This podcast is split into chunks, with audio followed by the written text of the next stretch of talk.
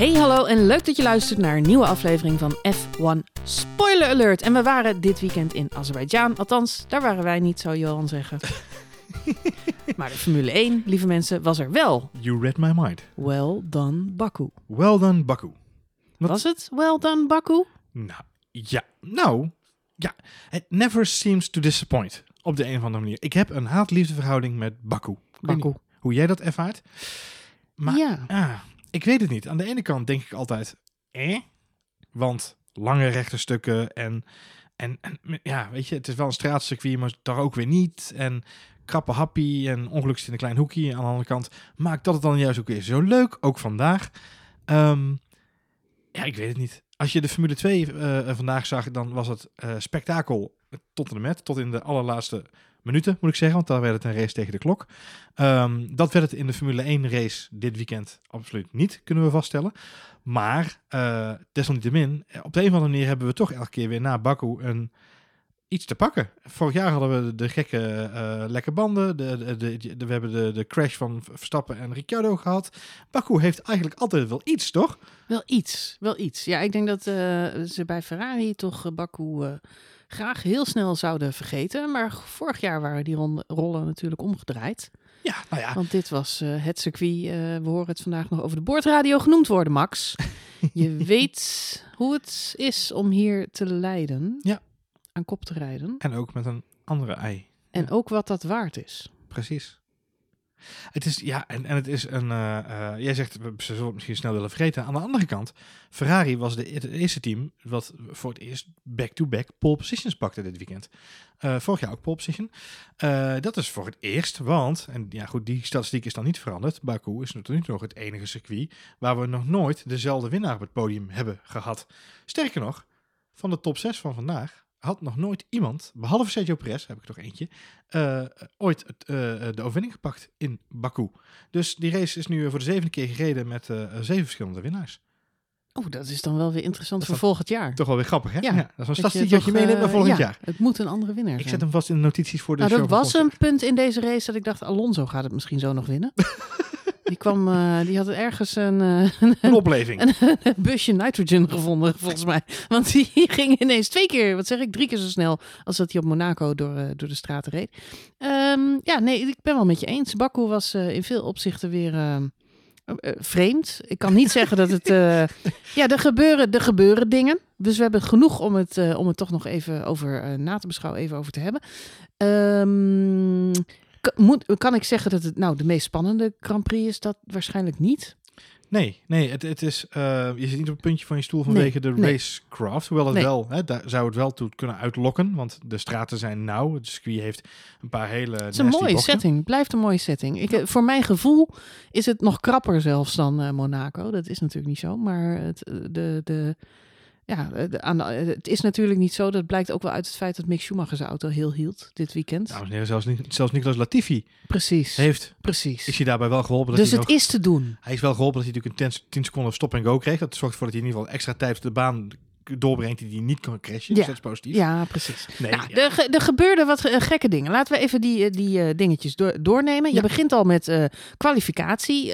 Dat aan zich is natuurlijk al een beetje een, een storyline aan het worden dit seizoen.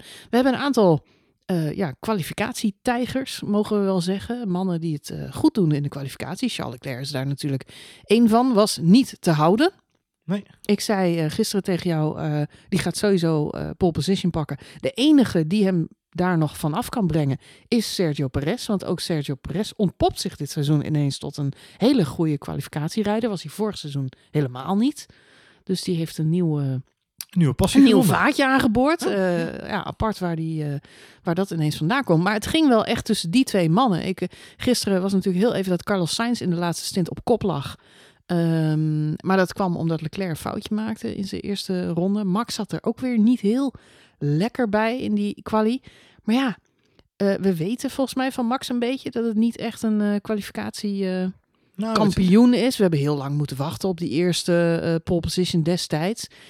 Mijn indruk is nog steeds, en wordt dit, dit weekend toch weer een beetje bevestigd. Ten eerste, je hebt niks aan die pole position. Het is absoluut geen garantie op een overwinning. Nee. Laat Max maar schuiven op de zondagmiddag. En het andere, wat ik ook wel weer een beetje eh, bevestigd zag, dat is dat ehm, eh, ja, je hebt een aantal coureurs die echt een vlammend snelle ronde kunnen rijden, waarvan je echt stijl achterover slaat en denkt, holy crap, eh, dit, dit is subliem. Ja.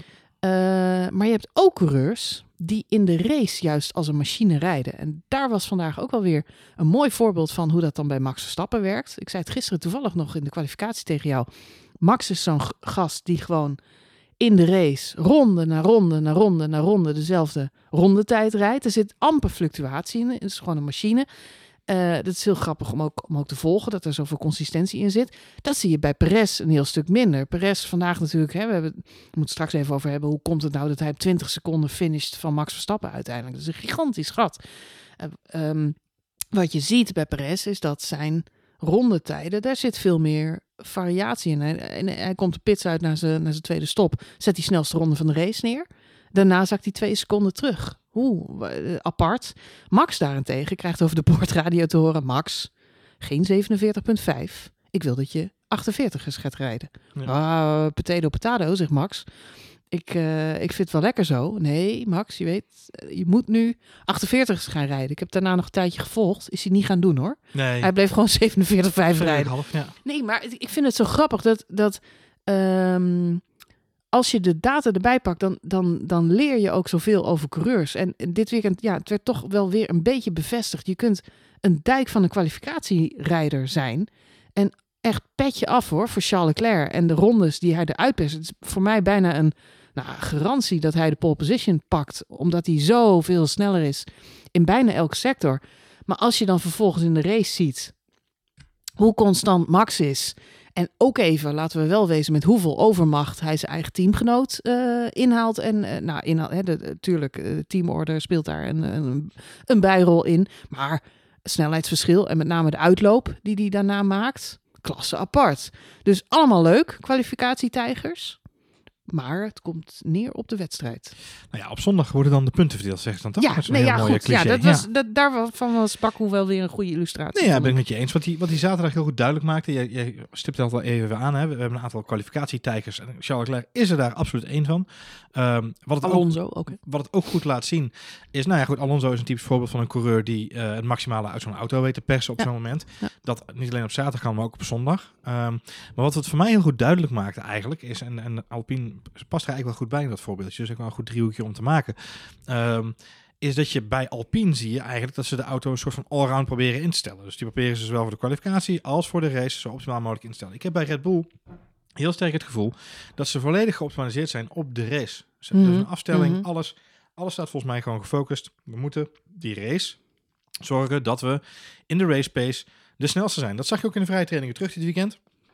Tijdens de kwalificatiesims ja, was Verstappen niet, niet vaak de snelste. En Perez zo om en erbij af en toe eens een keertje. Jij eh, stipt terecht al aan, inderdaad. Sainz is dan nog iemand die er af en toe nog eens bij komt kijken. Ehm, ja, vreemd genoeg, Charles Leclerc is zo'n beest in kwalifica- kwalificatie...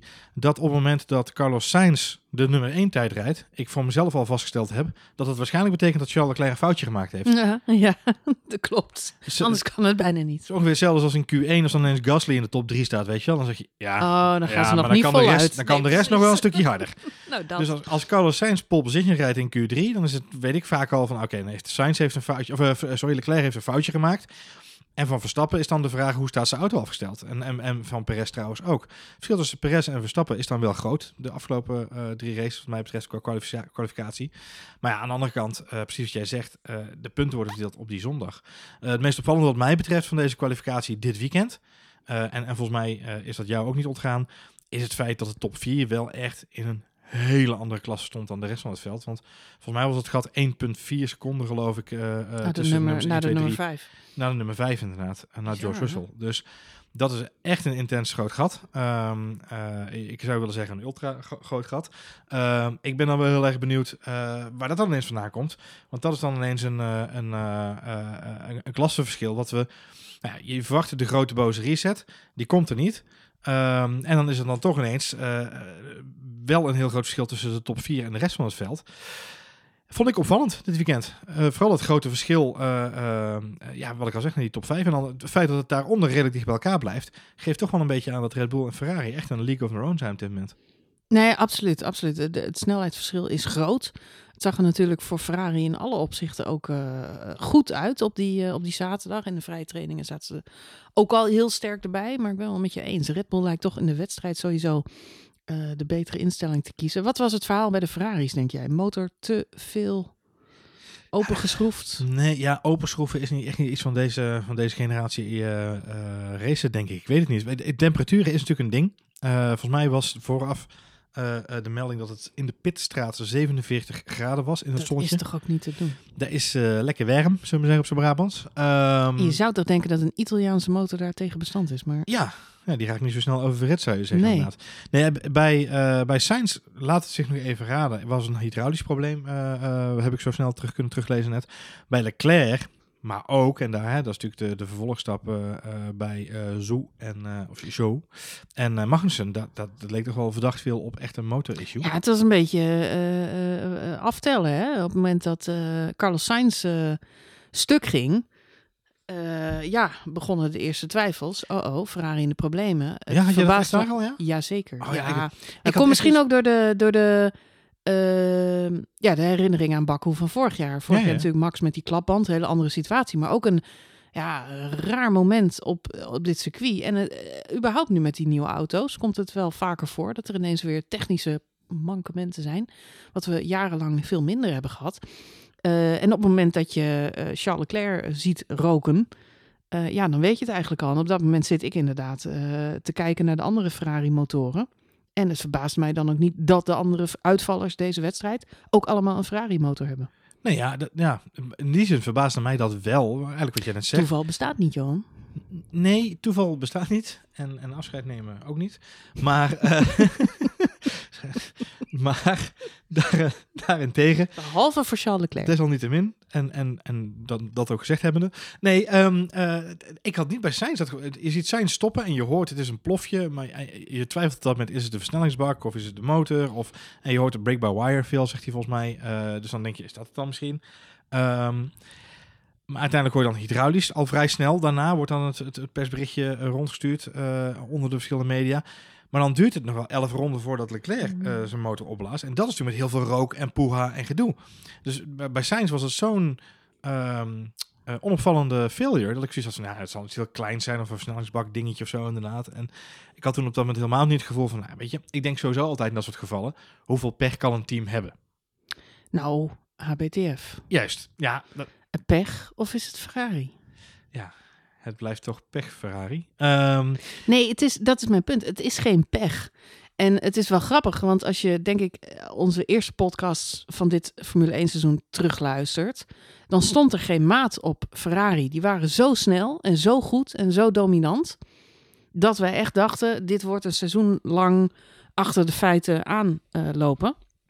Eh maar op een gegeven moment zeggen we geloof ik wel tegen elkaar, eh, wacht maar tot de lente-races, want het blijft toch Ferrari. ja, ja. Thuis Grand Prix van Charles Leclerc, eh, het stratencircuit in Baku, de hitte van de zomerraces die er nu aan gaat komen. We gaan nog naar Oostenrijk, waar het ook verzengend heet kan zijn. Eh nou, Silverstone valt aan zich eh, redelijk mee, maar het kan daar warm Het zijn, kan die ene het kan dag, daar warm we zijn. kunnen net naar die ene dag zomer zijn. Hongarije kan het ook eh, behoorlijk eh, de temperatuur oplopen. Ja. Dus ja, we hebben vorig jaar nog heel veel lol gehad en twee jaar geleden om Mercedes, die niet tegen die temperaturen kon.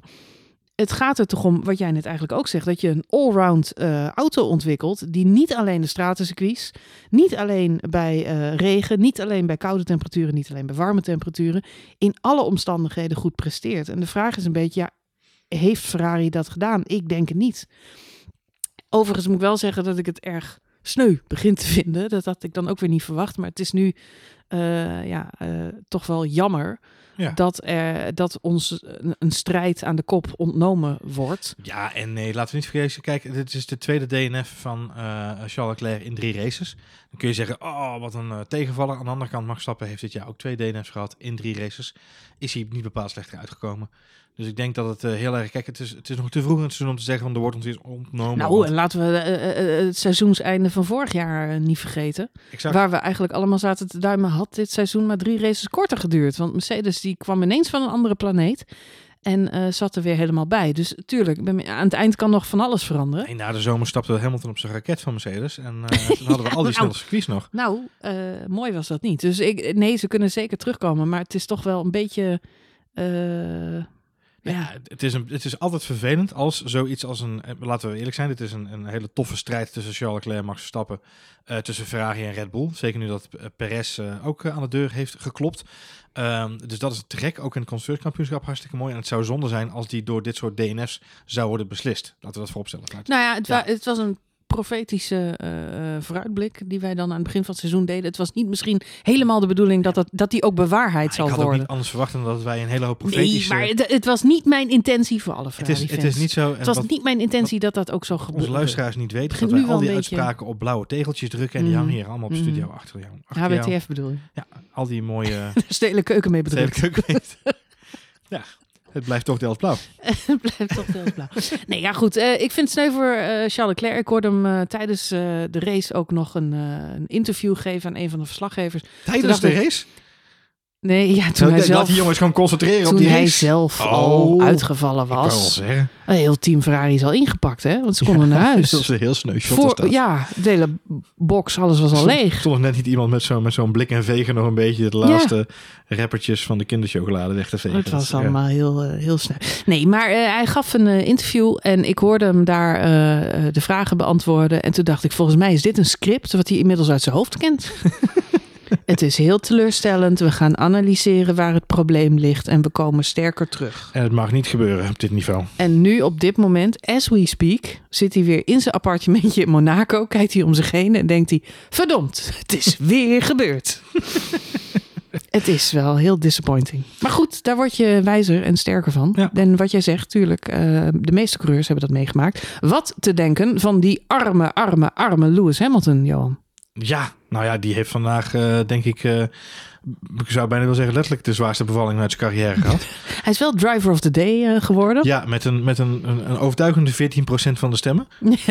Wat ik op zich positief vind, laten we dat vooropstellen. Want Ik ben dan toch benieuwd. Dat blijkbaar is er dan heel divers ja, gestemd. stemmen, dat wil ik zeggen. Dat betekent dus wel dat er in ieder geval Ja. heel dynamisch En gestemd worden is. die resultaten ook ergens gedeeld? En ik ben dan wel benieuwd, wie zijn die andere drivers of the day? Is het dan zo verdeeld geweest? Ja, volgens mij wordt dat allemaal nageteld door dezelfde accountants als van het Eurovisie Songfestival. Dus het kan zijn dat we wat stemmen kwijt zijn geraakt. Maar ehm, eh, de, eh, misschien dat het volgend jaar in de envelop van de Oscar staat. Ja. Voor de Formule 1 film van Hamilton. Nee, ehm, eh, ik denk dat Lewis Hamilton vandaag blij was met de dag die hij had. Volgens mij hadden ze een lekkere race bij Mercedes, ook George Russell. Maar ik denk dat hij niet zo blij is met hoe hij zich voelt na die race. Ik denk dat hij met het resultaat onderaan de streep kan leven. Maar met de manier hoe hij daar gekomen is, natuurlijk alles behalve. Want het was onderaan de streep, voornamelijk voor Lewis Hamilton, een draak van een weekend. En dat had natuurlijk alles te maken met eh, de porpoising, de, de, het stuiteren van de auto. En het feit dat Lewis Hamilton, en ja, weet je, jij moet me toch eens uitleggen waarom iemand dat doet. Maar Lewis Hamilton rijdt op dit moment bij Mercedes van de twee coureurs met de test setup. Dus de auto van Lewis Hamilton was anders afgesteld dan de auto van George Russell. Met name ook in, eh, in de achtervleugel en in, de, eh, in wat andere onderdelen. Waardoor hij dus nog meer last had van het stuiteren dan George Russell. Dus dan ben je al, wat is het, 12 jaar ouder dan die gast. Dan heb je al zeven wereldtitels meer dan die jongen. Maar dan moet je ook nog eens in de, in, in, ik zou bijna willen zeggen, in de dummy car gaan zitten. Het is een beetje die, eh, die, die martelaar uit de Da Vinci Code. Jesus. Dat hij, zichzelf... Ja. ja, het jij visualiseert het er ook bij. Dat zien de mensen natuurlijk niet die deze podcast luisteren. Maar jij zo op en neer te zwaaien met die handen. Ik, ik heb ook gelijk zo'n beeld van, van die kerel inderdaad. Ja. Ja. dat is die acteur die ook in Wimbledon speelt. Ah, Oké, Ja, Ja. die. Maar... deed hij eh, dat ook wel, dan met een tennisracket. Ja, nee, ik zit ineens... Hij heeft een goede slag. Welkom bij de podcast. ik denk dat hij gecast wordt op Ja, zijn slag. Dat is een service. Wegens een backhand. Ja, Ja. Dat denk ik wel. Maar goed, we dwalen af. Nee, ehm, eh, wat... eh, ehm, Het was eh, een beetje de martelaar, wou je je, zeggen. ja. wat je Ja. zegt klopt wel. Eh, ik vraag me ook een beetje af waarom hij zich dat zelf aandoet. Je kunt natuurlijk zeggen 3 en 4 is een goed resultaat voor Mercedes. Maar komt natuurlijk ook omdat de twee Ferraris uitvallen. Anders waren ze gewoon weer 5 en 6 geworden. Wat ook een goed resultaat was geweest. Wat ook een goed resultaat was Ja. geweest. Maar, ehm, maar ja, met, met, met deze pijn. En nu laait natuurlijk de, de discussie op. Wat gaat er gebeuren aan die porpoising? Want moet daar vanuit ja, de FIA op ingegrepen worden. Toto Wolf eh, hebben we eigenlijk het hele seizoen nog niet gehoord of gezien. Eh, vind ik is ineens weer opvallend eh, aanwezig als het om deze discussie gaat. Heeft uitvoerig aan de pers laten weten dat Hamilton ja, echt hele eh, extreme fysieke pijn heeft. Dat het niet eens alleen meer spiergerelateerd zou zijn, maar ook helemaal in zijn Ruggengraat. ruggengraat Ja. en gewrichten. Hoe dat dan precies medisch werkt, weet ik niet. Nou ja, bij die Toto Wolf ook niet. Toto maar hij waarschijnlijk maakt er een mooi verhaal van. maakt er een mooi verhaal van. Het zit in zijn spine. Nou, prima Toto. Maar eh, zo eh, pijn eh, doet het dan. En daar moet iets aan gebeuren, want dat is gewoon eh, ja, eh, marteling. Ja. En de vraag is, wie martelt wie? Ik vind het, ik Want vind het, is eh, het Lewis die voor de testsetup kiest? Is het Toto Wolf en zijn team die gewoon een hele slechte auto hebben ontwikkeld? Of is het de FIA die de regels en guidelines voor deze auto's heeft opgesteld? En ja, Johan, wie, eh, wie, is de mol? Is de mol. bijna zeggen. ja. Ja, Nou, dat gaat er jullie volgende gebeuren? week. Ja, dat horen jullie volgende week. waarbij het ook nog even de vraag is, hè, want hij is zodanig aangetast, die arme Lewis, dat hij nu eerst aan de beademing ligt. En het, de vraag is of dat ze hem überhaupt naar eh, Canada kunnen vervoeren om daar weer in een raceauto te stappen. Waarschijnlijk moet die plat vervoerd worden inderdaad. Ja, This side up. Nee, het zag er natuurlijk niet best uit. Overigens vind ik het altijd hè, vooropgesteld. Het is nooit fijn om te zien dat iemand fysiek zoveel te lijden heeft in een auto. Ehm, maar het zag er gewoon echt inderdaad. Hij moest zichzelf echt eruit takelen, zou ik bijna willen zeggen. Ehm, overigens vind ik het wel frappant en, en, en grappig om te zien dat dan Toto Wolff wel in staat is om zijn innerlijke Helmut Marko te channelen op zo'n moment. En dan ook als een soort van eh demagoog eh, te gaan verkondigen dat het allemaal verschrikkelijk is. En, eh, en als mensen dat, eh, dat mensen daar Helmut Marko Nou, wat, ik, wat, wat, dat, ik, eh, wat ik zelf persoonlijk opvallend vond, we hebben nog een coureur bij Mercedes, die stond gewoon vrolijk op het podium. Ja. Die had nergens last van. En jij zegt dat komt omdat ze met twee verschillende setups ja, maar dat is rijden. gewoon sowieso stijve hark. Dus die heeft sowieso nergens Oh, last die, van. ja, dat zou inderdaad wel kunnen. Dat die- die, stiff die zit gewoon heel zijn rug door. Dus dat, zit gewoon getie-wrapped aan dat stoeltje. Ja, joh, die kan geen kant op. nee, Ah, en er zit ook geen grammetje vet aan. Dus dat, Nee. ja, dat, ja, dat blijft allemaal ja, in... spier eh, ook niet echt. Dus Nee. Nou, dat zal het wel zijn. Maar goed. Er zit ook geen ruggengraat in. Zit gewoon George. George, Mr. Consistent, had helemaal nergens last van. Rijdt gewoon lekker weer naar een podium toe. Eh, het hele team van Mercedes staat ook gewoon vrolijk onder het podium te klappen, te applaudisseren en feest te vieren. En er is ook helemaal niemand die zich bekommert om die arme Lewis Hamilton die 20 meter verderop niet uit die auto komt. Vond jij dat niet opvallend? Ik vind dat een beetje raar. Nee, ja, ik, ik, het was een beetje een raar gezicht. Vooral omdat er ook wel iemand Zelfs van team... Angela was er niet bij, Johan. Zelfs Angela niet. Nee, Waar die- was Angela? Nou, die was bezig om de stretcher te halen waarschijnlijk. Ik heb het hele weekend niet gezien. Was ze er wel? Ik heb geen idee. Daar gaat het mis. Hè? Daar gaat het mis. Daar, Daar, gaat het mis. Angela was er niet bij. Ja, dat gaat dus weer hebben. Misschien heeft hij wel chronische rugpijn, Angela. Angela? Dat weet ik niet. En, Ze komt uit Australië. Ik heb geen ik idee. heb geen idee. Ik weet het ook niet. jij bent van dit soort dingen? Nee, ja, god. Als jij dit niet meer voorbereidt, dan gaat deze die podcast en die onder. tasjes en die stepjes altijd dragen. Maar verder weet ik helemaal niks van de mens. Oh, oké. Als jij Dus, dit niet meer voorbereidt, ehm, gaat deze podcast van onder. Ja, dat weet ik. Dat weet ik. Maar goed, misschien was Angela er niet. Misschien is dat wel Nou, de ja. onderste steen die boven komt, Johan. Maar de, de vraag is wel, en dat is eh, Lewis, eh, ik, weet, ik vraag me wel af, Christian Horner, na afloop van de race, eh, die dan ook goed in staat is om zijn innerlijke Toto Wolf eh, de eh, channel. te channelen. En dan te zeggen, de meeste teams die ons nu aanvallen, doen dat voornamelijk. Hè, die beroepen nu allemaal hun coureurs op om veel te zeuren in de media, dat ze last hebben van stuiteren. Want Hmm. eh, ja, dan, ze hopen dan op die manier dat de reglementen aangepast worden en dat het wat fair play wordt. En dat daarmee de teams die het wel goed op orde hebben, lees Ferrari, Red Bull, eh, dat die dan op dit moment eh, eigenlijk benadeeld zullen gaan worden. Als de FIA daadwerkelijk Als de. VIA daadwerkelijk centraal iets zou uitspelen. Dat is natuurlijk dat is een beetje de, de, de Game of Thrones eh, political gameplay die er nu speelt. Ja, hè? want als er nu dus ingegrepen zou worden, zou dat betekenen dat eh, de, eh, eigenlijk die teams geholpen worden om de auto. Nou, je hebt, je hebt drie, drie mogelijke scenario's. Eén is, het is wat het is. Dit is wat het, hier gaan we het mee doen met z'n allen. Good luck, veel erfolg en hopelijk blijf je hoofd erop zitten bij de volgende race. Ehm, dat is een scenario. Scenario 2 is dat de FIA zegt: jongens, we hebben jullie gehoord. eh, we maken ons ook zorgen over deze zaken. En wij vinden het de verantwoordelijkheid van alle teams om te zorgen dat ze de veiligheid van de coureurs kunnen waarborgen. Ik persoonlijk sta in dit kamp. Maar dat ben ik. En dan heb je scenario 3. En dat is dat de FIA zegt: We zien jullie punt. We weten dat er iets aan de hand is. En dus verplichten we vanaf nu. Hè, want het grootste probleem zou zitten in de rijhoogte van de auto's. Dan zouden ze zeggen: We verplichten dat jullie allemaal een, een rijhoogte van zoveel centimeter hoog moeten hebben.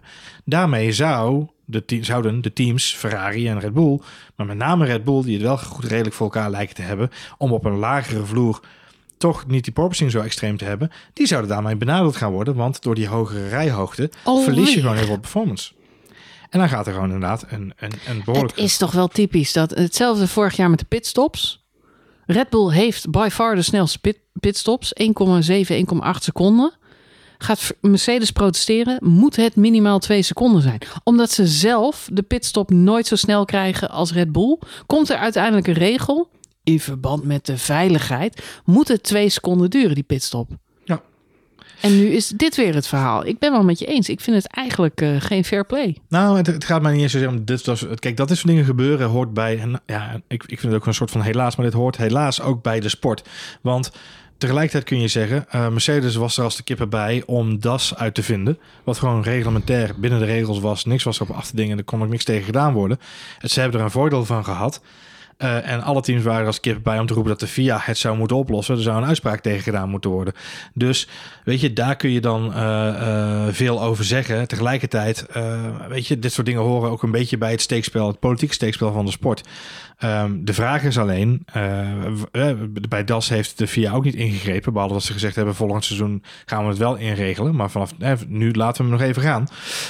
Um, ja, hier is dat natuurlijk een iets ander verhaal, omdat de reglementen wel grotendeels vanuit de FIA zijn voorgeschreven. Hè, hoe, de, hoe de auto uh, ontwikkeld moet zijn. En dus deze hele reset uh, van, van het ontwerp is natuurlijk wel vanuit daar gekomen. Dus ze zouden hier wat al nu al een rol in kunnen spelen.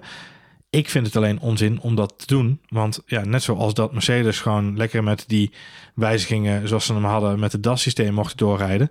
Zo mag, uh, mogen wat mij betreft de teams die het nu goed voor elkaar hebben, dat ook. Want dat zijn nou eenmaal de gevolgen van je shit goed op orde hebben onderaan de streep, wat mij betreft. Dus uh, nee, ja, moeilijk, lastig, uh, vervelend. Uh, ik weet als geen ander dat ook Christian Horner er als de kippen bij zou zijn geweest als het andersom was geweest om dit soort dingen te roepen.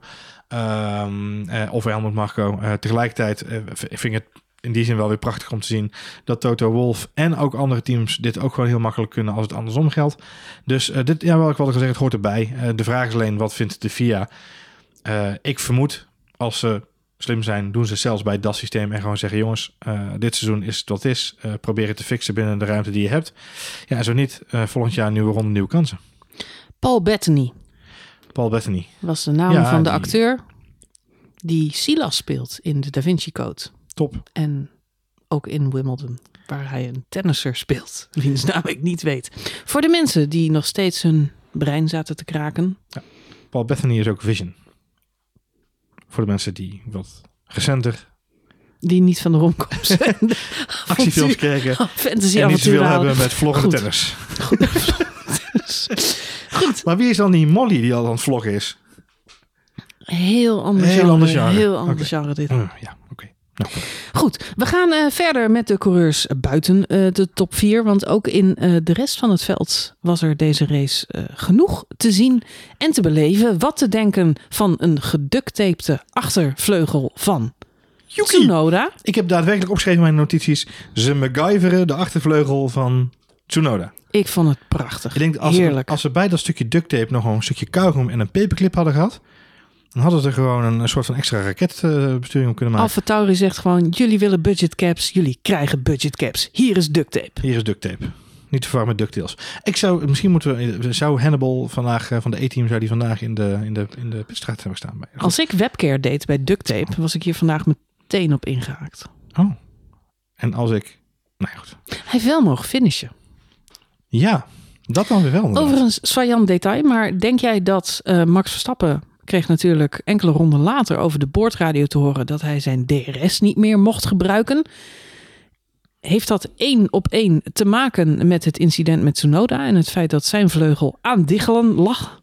Dat denk ik wel, toch? Ja, daar is wel een, eh, een verband te vinden, denk ik. Omdat uh, het schijnt dat ze uit dezelfde fabriek komen, die vleugels. Uit uh, En er is natuurlijk al meer uh, problematiek geweest rondom die, uh, de vleugels van Red de Bull. achtervleugels van de Red Bull. Red Bull dus. geeft je vleugels, maar ja, ze zijn niet altijd Maar ze zijn niet zo sterk. Eh, wat het verhaal Het zijn een beetje beetje was- Red Bull Light vleugels, zeg jij. Ja, ze zijn een beetje sugar-free. Ja, sugar-free, Eh, zonder calories, Zonder calories. met een beetje duct tape. Yes. Het verhaal een beetje was dat afgelopen vrijdag tijdens de trainingen Max Verstappen zijn vleugel al alle kanten op wapperde, behalve de goede. Dat zag er natuurlijk weer niet zo heel erg eh, goed uit. Was natuurlijk lullig geweest als hij ook eh, in tweeën was gebroken. Max ook naar binnen had gemoeten voor duct tape. Eh, die zwart-oranje vlag gekregen. Die ik eh, nog nooit eerder heb gezien trouwens. Maar het was interessant om dat weer een keer mee te maken. Misschien moeten we die eens opzoeken hoe lang dat geleden is. Ja. Ja, inderdaad. Dat zal wel een tijd geleden zijn. Maar goed, het was het, waarschijnlijk gewoon een voorzorg dat eh, de andere coureurs niet met datzelfde probleem te maken kregen. Maar hoe opvallend is het dat die vleugels van de Red Bull inderdaad zo fragiel zijn? Nou ja, in die zin dat je jezelf moet afvragen... waar hebben ze hun winst voor gewichtsreductie geprobeerd te pakken? Is dat uit die vleugel geweest? Lijkt wel op. Ra- is giswerk, hè? Ze is nemen een hoop risico, maar ze komen er wel steeds mee weg tot nu toe. Ja, vooralsnog wel. Wat ik ook opvallend vind, Charles Leclerc natuurlijk uitgevallen. Dus we hebben uiteindelijk nooit het gevecht aan de kop kunnen zien. We weten ook niet hoe dat geëindigd was. Want eh, Charles Leclerc maakte natuurlijk een hele vroege pitstop. Wat had betekend dat hij sowieso een twee-stops-strategie eh, ja, had gemaakt. Dat had natuurlijk... eh, ja, eh, was natuurlijk ook gebeurd uiteindelijk. Omdat er eh, door die late safety car eigenlijk iedereen nog een keer naar binnen gaat. Ja. Dan was heel erg de vraag geweest. Eh, wat hadden ze gedaan bij Red Waar Bull? had iedereen eh, gestaan op dat moment? Ja, Ja. Dat, dat, dat is een, dat, dat is een scenario wat je kunt Het feit dat, eh, ja, nee, goed, maar ik, ik zit er nu nog even over na te denken. Dat ik op het moment dat Charles Leclerc op kop reed, ik me nog niet zo heel veel zorgen maakte. Omdat ik dacht, die moet straks sowieso nog een tweede keer stoppen. Maar nu wetende hoe de race verder verlopen is, realiseer ik me dat ook Charles Leclerc een tweede gratis stop had kunnen maken onder een virtual safety car. Max Verstappen waarschijnlijk nog niet aan zijn start had gezeten op dit moment. Had dan buiten moeten blijven om eh, ja, die leiding eh, vast te houden op dat moment. Ja. En had dan geen verse bandjes gehad. Ja, dan had je toch weer een beetje net zoals Baku vorig jaar met samengeknepen billen gezeten van gaan die banden het redden. Afijn, dat was allemaal niet aan de orde. Op het moment dat Ferrari uitviel was het eigenlijk voor Red Bull een hele, hele, hele comfortabele positie. Zij lagen zo ver voor op de rest van het veld dat zij met gemak die dubbele pitstop in de, in de laatste fase van de wedstrijd konden maken. Ja. Ik moet zeggen, ik vind ook wel dat Red Bull als Ferrari dan uit de weg is. Red Bull dwingt wel een heleboel eh, luxe en strategische keuzes nog af. Eigenlijk kunnen ze eh, ja, nog van alles eh, doen Ja. aan het eind van die race. Ja, met name Zelfs Max had nog een keer gratis kunnen stoppen.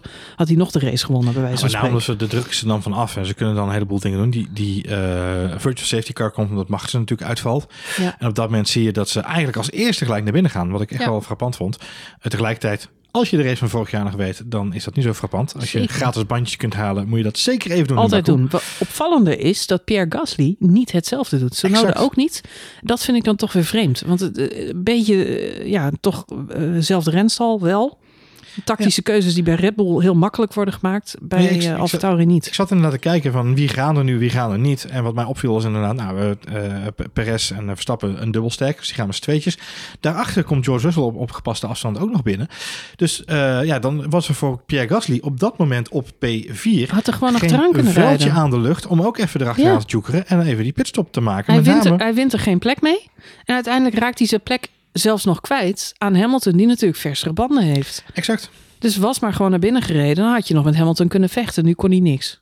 Nee, hij was nu gewoon helemaal uitgespeeld. Hetzelfde geldt voor Tsunoda, die natuurlijk, want uiteindelijk kwam Hamilton door zijn pitstop, hij ging wel, kwam Ja. achter Tsunoda terecht. Ja. Hij zei bij het eh, uitrijden van de pitstraat ook, is dat nou Tsunoda voor me? Vraagteken. Met de welbekende, hallo Bono, wat heb je me nou weer geflikt met deze pitstopstrategie?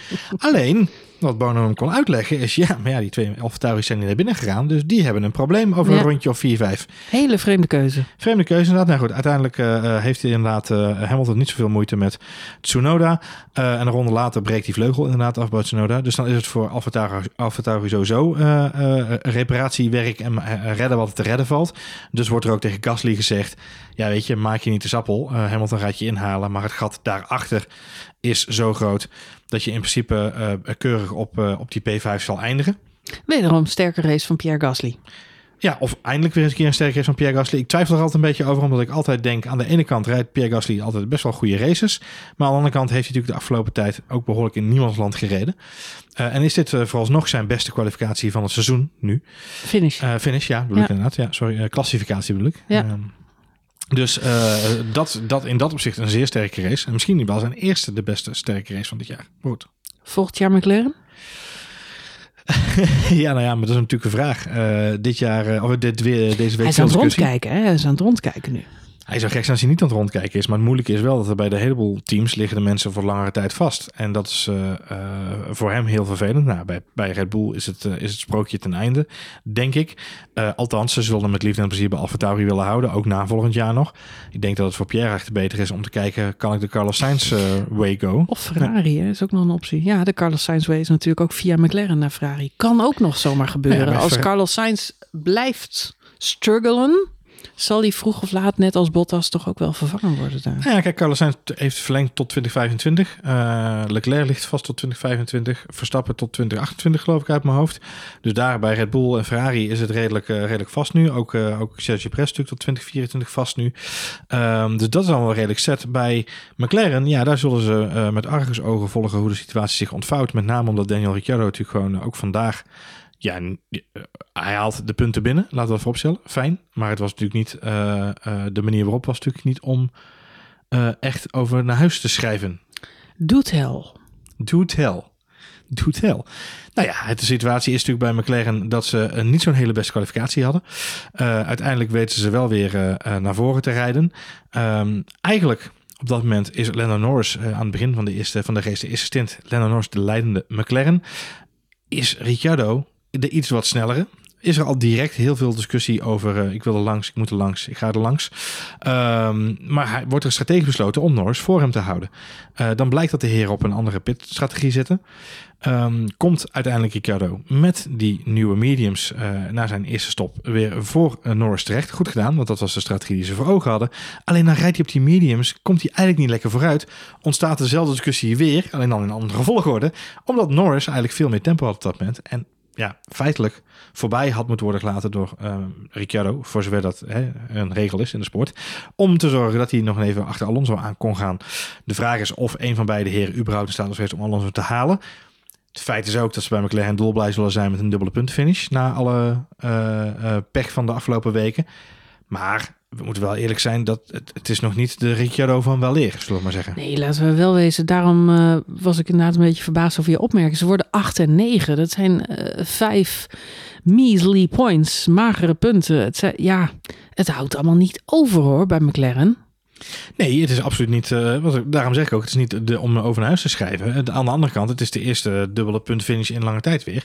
Eh, dus we zullen daar blij mee zijn, eh, onderaan de streep. En voor Ricciardo de opsteker dat hij een keer voor, voor Norris eigenlijk. Wat ik er ook bij moet zeggen is dat ik beide herencoureurs niet echt ehm, eh, ja, indruk vind maken in dit soort races. Het is niet zo dat we, je zegt terecht, eh, eerst zitten we heel lang te kijken naar eh Ricciardo die achter Norris zit, die daar niet aan voorbij komt. En ja, ik weet de McLaren is niet in te halen. Maar ja, daar gebeurt dan vrij weinig. Vervolgens zitten we te kijken naar de omgekeerde situatie. Daar gebeurt dan ook helemaal niks. Aan het einde wordt Lando Norris ineens wakker. Denkt, wat? Hoezo eh, deze positie houden? Ja. Ik ga nog even eh, proberen om toch in de laatste ronde eh, lekker in zijn DRS te hijgen. En als hij dan een foutje maakt, dan ben ik erbij. Ja. Wat natuurlijk altijd slim is, want je weet niet of Ricciardo toch nog ergens een foutje maakt. Nee. Ehm, maar ja, dat is het dan wel zo'n beetje. Er zit weinig spit en sprankeling in. Er zijn ook veel teamorders en afspraken en strategische. Het, eh, ja, Eh, degelijk resultaat. Eh, Word ik warm of koud van? Nee. Ik vind er niks aan. Ik heb wel genoten bijvoorbeeld van eh, Vettel en Alonso, de twee wereldkampioenen. En Ja. hoe die ja, dit weekend toch weer risico nemen. ja, echt aan het racen zijn. Ja, ik geniet er erg van. Ja. Je kunt zeggen, Vettel, die inhaalmove had hij niet moeten doen. Echter, hoe hij zijn auto daarna een zwieper geeft en gewoon weer die eh, race instuurt. Ik vind dat mooi hoor. Ik vind dat echt Nou ja, ik vind hartje het, Vettel. het kn- knappunt van Vettel Zesde is... plek, top. Precies, is gewoon ook weer een topprestatie. Na lijn, eh, hij heeft gewoon toch wel weer een, eh, een opwaartse lijn te pakken. En In die het- bak, hè? In die bak. En wat ik het knappe vind van, van, van Vettel is, hij had die inhaalmove eh, absoluut moeten doen. Want die inhaalmove was clean as a whistle. Er was niks mis mee.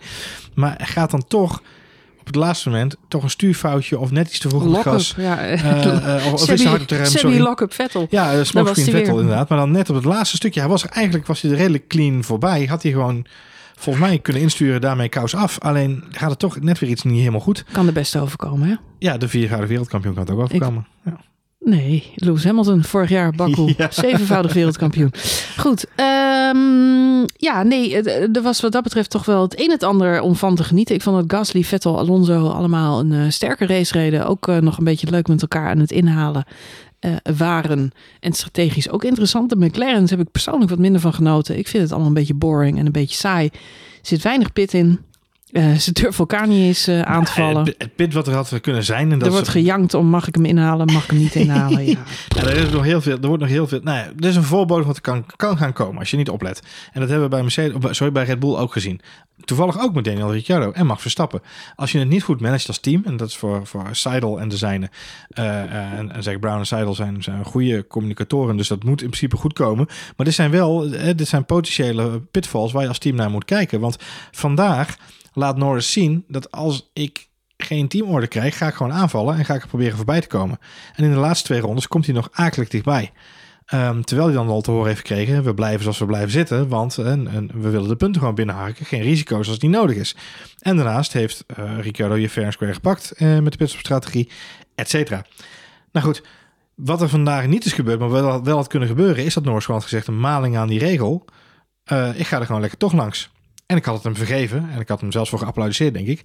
Want het is natuurlijk gewoon een, een bizarre situatie als je sneller bent. Dat je erachter moet blijven hangen. Uh, dus had hem... liefst had ik gezien dat hij hem wel had gepakt. Maar ik kan me voorstellen dat je dat in deze fase van het seizoen nog niet doet. Maar deze situatie als die zich nu is bij... Of zoals vandaag zich voordeed bij McLaren... mag zich niet nog voordoen als we straks op Zandvoort en op uh, Monza zijn. En op dat soort circuits, als we wat verder in het seizoen zijn al en Norris dit een aantal keren heeft moeten meemaken. Want dan hoop ik dat Norris wel de haar op standen heeft om te zeggen, toetledoki, uh, ik ga toch zeker niet een beetje voor het welzijn van, uh, van, van mijn tweede coureur uh, nu achter hem blijven tuffen. Nou, zoek het maar uit. Ik wil gewoon de meeste punten pakken. Dus ja, weet je, dat, dat is wel iets wat ze zullen moeten managen bij, bij McLaren. En dat had vandaag het spektakel kunnen zijn. Werd het niet. Dus ik sluit me aan bij jou bij het feit. Was het dus een beetje saai. Maar ja, er zit nog wel wat in het vat daar. En wat kan, niet kan verzuren, maar exploderen. Ik ben heel benieuwd. Speaking of uh, tweede coureurs. Ocon wordt vandaag tiende. Wat opvallend is, want ik had de indruk dat hij aan het eind van de race toch nog door vijf of zes of zeven mensen wordt ingehaald. Hoe vaak kan Ocon worden ingehaald? Blijkbaar niet vaak genoeg, want hij wordt tiende. Hij pakt gewoon een punt. Als hij maar vaak nog weer terug inhaalt, dan komt het wel goed, hè? Ja, dat is niet gebeurd. Hij, hij lag achtste, elfde. Er valt nog iemand uit. Uiteindelijk komt hij goed weg en, uh, en pakt hij een puntje mee. En daarmee is de top 10 dan compleet. Ja. Dan hebben we nog Bottas op de elfde plek. Die kwam natuurlijk kantje boord nog door de kwalificatie. Ja. Uitermate knap, want uh, we hebben het nog niet eens over die gekke kwalificatie uh, gehad in uh, Q3, waar de teams nog twee minuten hadden om zich te kwalificeren. Uh, wat een soort uh, ja, sprintrace leek ja. te gaan worden. Ja. Uh, waarbij heel veel coureurs naast elkaar zaten. Overigens ook weer slechte regie. Ik had het erg leuk gevonden om iets meer te zien van, van hoe wat die, er wat er achter gebeurde. In plaats daarvan zaten we een volle onboard met Lewis Hamilton mee te kijken. Maar voor degene die goed heeft opgelet, die zag Valtteri Bottas naast Nicolas Latifi over start-finish komen. Dan is het toch bijzonder lastig om nog een hele snelle ronde te noteren. Dat deed hij wel. En kwam daarmee in Q2. Dus blijft wel uh, blijft, blijft indrukwekkend. Ja. Opvallend is natuurlijk ook weer wat jij al zei, dat Joe wel uitvalt, hij niet. Maar goed, dat kan natuurlijk met die Ferrari motor te maken hebben. En een beetje een kwestie van geluk. Um, hoe dan ook, elfde plek vind ik zeker niet slecht. Al Bonneke, twaalfde plek ook absoluut niet slecht. Nee. Zeker gezien het feit dat Nicolas Latifi gewoon weer dead last is. Voor Ja. de 6 miljoenste keer. Ja, en ook niet zomaar een beetje. Hij rijdt gewoon op een minuut van Mick Schumacher. Echt volkomen niemands land. De vraag is wel een beetje, waarom zit Nicolas Latifi nog in de Formule 1 auto? Joh. Ja, het is, het, het is wel schrijnend nu. En ook uh, de situatie voor de race, 10 seconden stop en go die je krijgt omdat hij dan niet goed in zijn vak staat. Nog een duwtje krijgt van, uh, van zijn mechanic uh, na de 15 seconden dat de, de auto's clear moeten zijn. Het zijn van die kleine dingen. Hij krijgt een, een 5 seconden penalty voor het negeren van blauwe vlaggen. Het is de vraag waarom die jongen er rondrijdt. Want de zak met geld is intussen niet meer nodig bij Williams. Um, dus ja, je kunt je af afvragen, kan het dan niet anders? Hetzelfde geldt overigens wat mij betreft ook bij uh, Aston Martin. Waar het dan nu dan toch wel een beetje duidelijk wordt... dat als je een iets wat capabele coureur... la Sebastian Vettel in een auto hebt zitten... dat het, dat het iets wat op een hondenhok lijkt... nog steeds gewoon mee kan doen om punten. Um, Hij begint er wel meer zijn draai in te vinden in dat hondenhok. Dus het is wel Ja, uh, nou, er nou ja, zit goed, vooruitgang de- in. En in elk geval bij Vettel. Stroll zie, ik- zie ik niet zoveel. Nee. Behalve uitvallen. Maar de vraag is inderdaad, is het een magistrale Vettel of is die auto stiekem misschien wel iets beter en uh, dan wij denken met z'n allen? En komt Vettel zo langzaam maar zeker uh, en gewoon in zijn, uh, in zijn vorm inderdaad, vindt hij zijn mojo. Als het dat laatste is, hè, als die auto gewoon toch wel iets beter is dan wat wij denken en Vettel heeft nu zijn mojo gevonden. Ja, dan is, het dan is het een hele grote belangrijke zaak dat ze bij, eh, bij Aston Martin de juiste keus maken. En volgend jaar een andere coureur dan Lance Stroll naast Sebastian Vettel zetten. Want ze willen heel graag door met Sebastian Vettel. Dat ik denk een hele goede keuze is eh, om het team verder te helpen. Maar ja, dan moet je er ook een, of een hele getalenteerde jonge coureur naast zetten. Of een, eh, een, een, een me- medium, medium ervaren coureur die in ieder geval ervoor zorgt dat je st- steady in de, in de top 12, 13 rijdt. Ja, Yes, Mick Schumacher, één na laatste. Mick. Mick. Mick heeft nog een paar jaar om te groeien. Slash ervaring opdoen. M- Ja. Mick, Mick is nog een beetje aan zijn snuffelstage bezig. ja, zo voelt het soms wel inderdaad. Ja. Ja, nou, tegelijkertijd eh, eh, heeft hij wel al heel veel raceervaring opgedaan de afgelopen twee jaar. Dus eh, Laten hopelijk... we, ik, ik zeg, Mick zet ik nog een beetje in hetzelfde bakje als Yuki. Eh, die mogen van mij nog even door. eh, Ja, maar ik vind het verschil tussen Mick en Yuki wel aanzienlijk groot. dat is zeker waar. Want Yuki laat wel gewoon zien dat hij stabiel in de Nou, En Formule laten 1 we ook vooral de vergelijking even maken met Lando Norris en George Russell, die ook van dezelfde generatie zijn. En het allemaal toch behoorlijk sneller in de vingers hadden zitten dan beide herencoureurs Tsunoda en Schumacher. Ja. Dus dat mag misschien ook wel gezegd worden. Ja, nou, en voor Yuki is het dan nog, eh, in, in, in principe wat jij zegt, Yuki geeft je dan nog iets meer, eh, misschien nog wel zelfs iets meer respijt, omdat hij eh, ook bij een ander team instapt, onderaan Ja. streep. Ik vind het pad van Norris te vergelijken met dat van, van Tsunoda bijvoorbeeld. Ehm, en Russell heeft natuurlijk wel echt een hele lange aanloop gehad met zijn ervaringen bij Williams. Dus ik denk dat hij daar, die heeft er echt ook een nou, beetje... en Russell zat wat dat betreft ook wel in een iets andere positie. Omdat hij natuurlijk naast Latifi zat. Ja. Dus eh, hij zat dan wel in de langzaamste auto. Maar hij won het wel altijd van zijn Klopt. belabberde teamgenoot. En daarmee kon hij wel iets van zichzelf laten zien. Nou ja, Voor dat Schumacher. Schumacher vorig jaar ook. Ja. eh, ja, precies. Dus eh, wat dat betreft, naast ja, Mazepin was misschien wel de goede combinatie. Ja. Eigenlijk een beetje de Williams-formule. Om hem te laten rijpen. Hij zit nu natuurlijk wel in een ander schuitje met die Magnussen. Waardoor dat toch ook een beetje een deuk is voor zijn zelfvertrouwen, ben ik bang. Ja, maar tegelijkertijd, kijk, het, gaat heel erg om wat, wat doe je wel, wat doe je niet. En eh, ik zag eh, dit weekend zien we op, eh, bij de Formule 2 zien we eh Yuri Vips, die en Re- Red Bull Junior, die een dijk van een race rijdt, een dijk van een race. En in de laatste, nou, 2,5 ronde, want ze reden richting de eindklok, zet hij zijn auto nog even tegen een, tegen een barrière aan en rijdt hij zijn voorophangingsstuk. Terwijl hij eigenlijk soeverein aan kop reed. Eh, en eigenlijk nog maar 2,5 rondje had moeten uitrijden. Die fouten, die, die leer je maken in Formule 2. En die moet je leren maken. En ook Charles Leclerc kan hierover meepraten natuurlijk. In diezelfde bochtcombinatie daar bij het kasteel. Eh, en Max Verstappen heeft zijn, eh, zijn fair share gehad. Ehm, ja, die fouten moet je kunnen en leren maken. En dan kun je uiteindelijk rijpen naar een goede Formule 1 coureur. En ik hoop voor Mick dat hij die kans... Dat hij dat genoeg kan nu bij Haas. Om ja, hopelijk kan hij dan doorstappen naar een teamje omhoog. Uh, maar weet, of, of, hij van hetzelfde kaliber is, of dat hij ooit in, de, in dezelfde kringen komt als uh, zijn generatiegenoot die je net omschreef, dat durf ik te betwijfelen. Ik ben er bang voor. Uh, maar goed, laten we hem nog die tijd gunnen die George Russell ook heeft gehad. George Russell inmiddels op 99 punten. Ik kan me nog herinneren dat er ooit een Twitter-account was. Does George Russell have points yet? Ja, die is opgegeven. Die is opgegeven ja. inmiddels. Ja, dat snap ik. Want hij staat gewoon lekker bijna op 100 punten. Er zijn maar twee coureurs die nog geen punten hebben. Dat zijn Mick Schumacher en uh, Nicolas Latifi inderdaad. Joe had vandaag gewoon punten kunnen pakken. Die staat pas op één punt. Dus ik ja. snap zijn teleurstelling wel. Op het moment dat hij hoort dat die auto uh. Want hij lag zevende volgens mij. Uh, toen hij uh, naar binnen moest. Ja, ja, dus dat, dat, dat had uh, goed kunnen, goed ja. kunnen uitvullen. Ja, goed, hij had in ieder geval in de punten kunnen rijden, want hij moest nog wel een stop maken op dat moment. Maar... Lance Stroll, twee punten, Johan. Ja. Dramatisch seizoen. Zelfs Albon in, in een freaking Williams heeft meer punten dan uh, die heren bij elkaar. Dat zijn er ja. drie. Ja, dus uh, ja, dat is knap. Yuki Tsunoda inmiddels op 11 punten. Sebi Vettel 13 punten. Ook nog niet zo, mee, de, nog niet zo heel veel. Vandaag was een uh, belangrijk een resultaat ja. Ja, voor hem. Daniel Ricciardo 15 punten. Ja, oh. dat zegt eigenlijk alles. Hè? Weet je wie er ook 15 punten heeft? Nou? Kevin Magnussen. Ja. Dat zegt eigenlijk alles, dat zegt, joh. Dat, dat, dat zegt eigenlijk alles. Weet je wie er 16 punten heeft? Nou. Fernando Alonso. Evenals Pierre Gasly. Dus uh, er is nog wel een leuke strijd om, om terwijl, plek 10 gaande. Terwijl, terwijl Fernando Alonso tegen een draak van het seizoen heeft nu toe. Dus dan, uh, ja. Ja, Fernando Alonso. Op de een of andere manier heb ik de indruk dat we het elke week over hem hebben. Uh, dat hij heel zichtbaar is. Dat hij veel dingen doet. We zien hem ook elke race allerlei belangrijke dingen doen. Maar op de een of andere manier wil het met de punten nog niet, eh, Niet, zo, eh, vlotten. zo vlotten. En dat, Nee. v- voor Gasly is meer verhaal van, wat jij zegt, veel pechgevallen. En toch ook wel een aantal tactisch slechte beslissingen. De auto die af en toe niet meewerkt. Dus daar is het nog wel verklaarbaar. Echter bij Alpine had ik ja, op dit punt in het seizoen al wel iets meer resultaat verwacht. Ja, de top 7 die is verder wel bekend. Lando Norris. Zevende plek 50 punten. Lewis Hamilton 62 punten. Ja. Carlos Sainz wederom geen punten. Blijft steken op 83. George Russell op 99. Dus Charles Leclerc 116.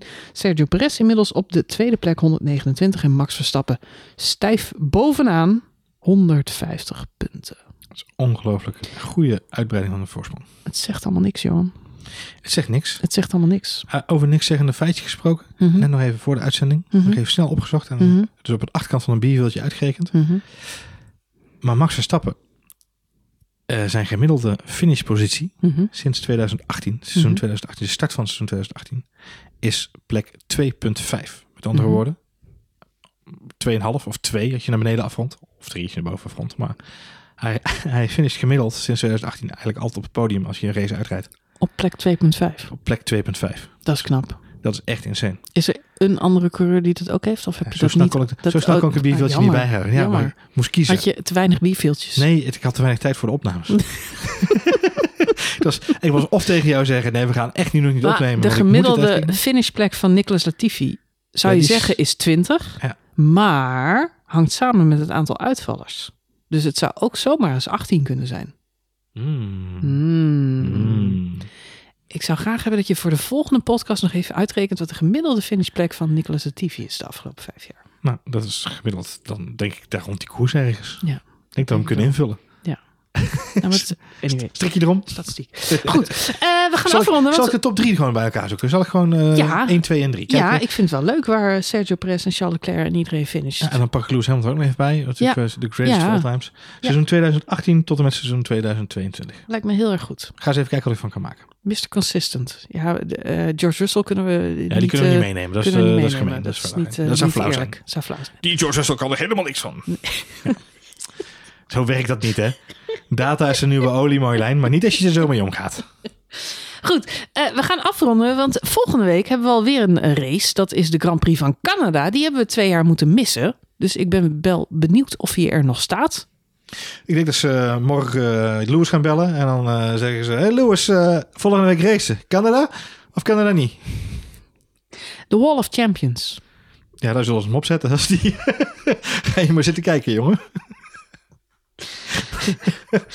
We zagen dit weekend ook weer een hoop toucheetjes met de boarding. Dus eh, ik denk dat we onze lol op kunnen als we volgende week in Canada zijn. Het is een avondrace, dus eh, denk, denk alvast na over eh, de borrel die je gaat bestellen. Oh, die gaat bestellen. Of de, of de, de, de aan huis bezorgde maaltijden. het is altijd een goed moment om dat te doen. Alhoewel, het is laat Canada. Het is acht uur pas. Acht hè? uur. Ja, De meeste nou mensen al gegeten. Tapas. Tapas. Tapas. Bij de Canadese Lekker Grand. Canadees. Ja. Heerlijk, heerlijk. Mm. Goed, ehm, we zijn er doorheen. De Grand Prix van eh, Baku, Azerbeidzjan 2022. Mocht je willen reageren, kan dat zoals altijd via onze Twitter-account, F1 Spoiler Alert. Of, Ed Marjolein met een lange ei. of, Ed Johan Voets met een lange oe. of onze Telegram. hebben we ook nog. Facebook. Of onze antieke Facebookpagina. Onze antieke Facebookpagina. Ja, voorzien van brokante laagje. Heel erg bedankt voor het luisteren. ik, heb, ik, heb, je zegt, ik heb de header niet eens aangepast, zit ik nu te denken. Ik moet de header even gaan aanpassen, Marjolein. Sluit jij even af. Daar staat nog Max Verstappen wint Barcelona 2016. Nee, ja, ik denk het wel. Ja. oh nee, wacht even. Max Verstappen maakt debuut tijdens de Red Bull race dagen in Rotterdam. Goed, heel erg bedankt voor het luisteren. En tot volgende week bij een nieuwe aflevering van F1 Spoiler Alert. Weet jij de inlog van onze Hives account nog?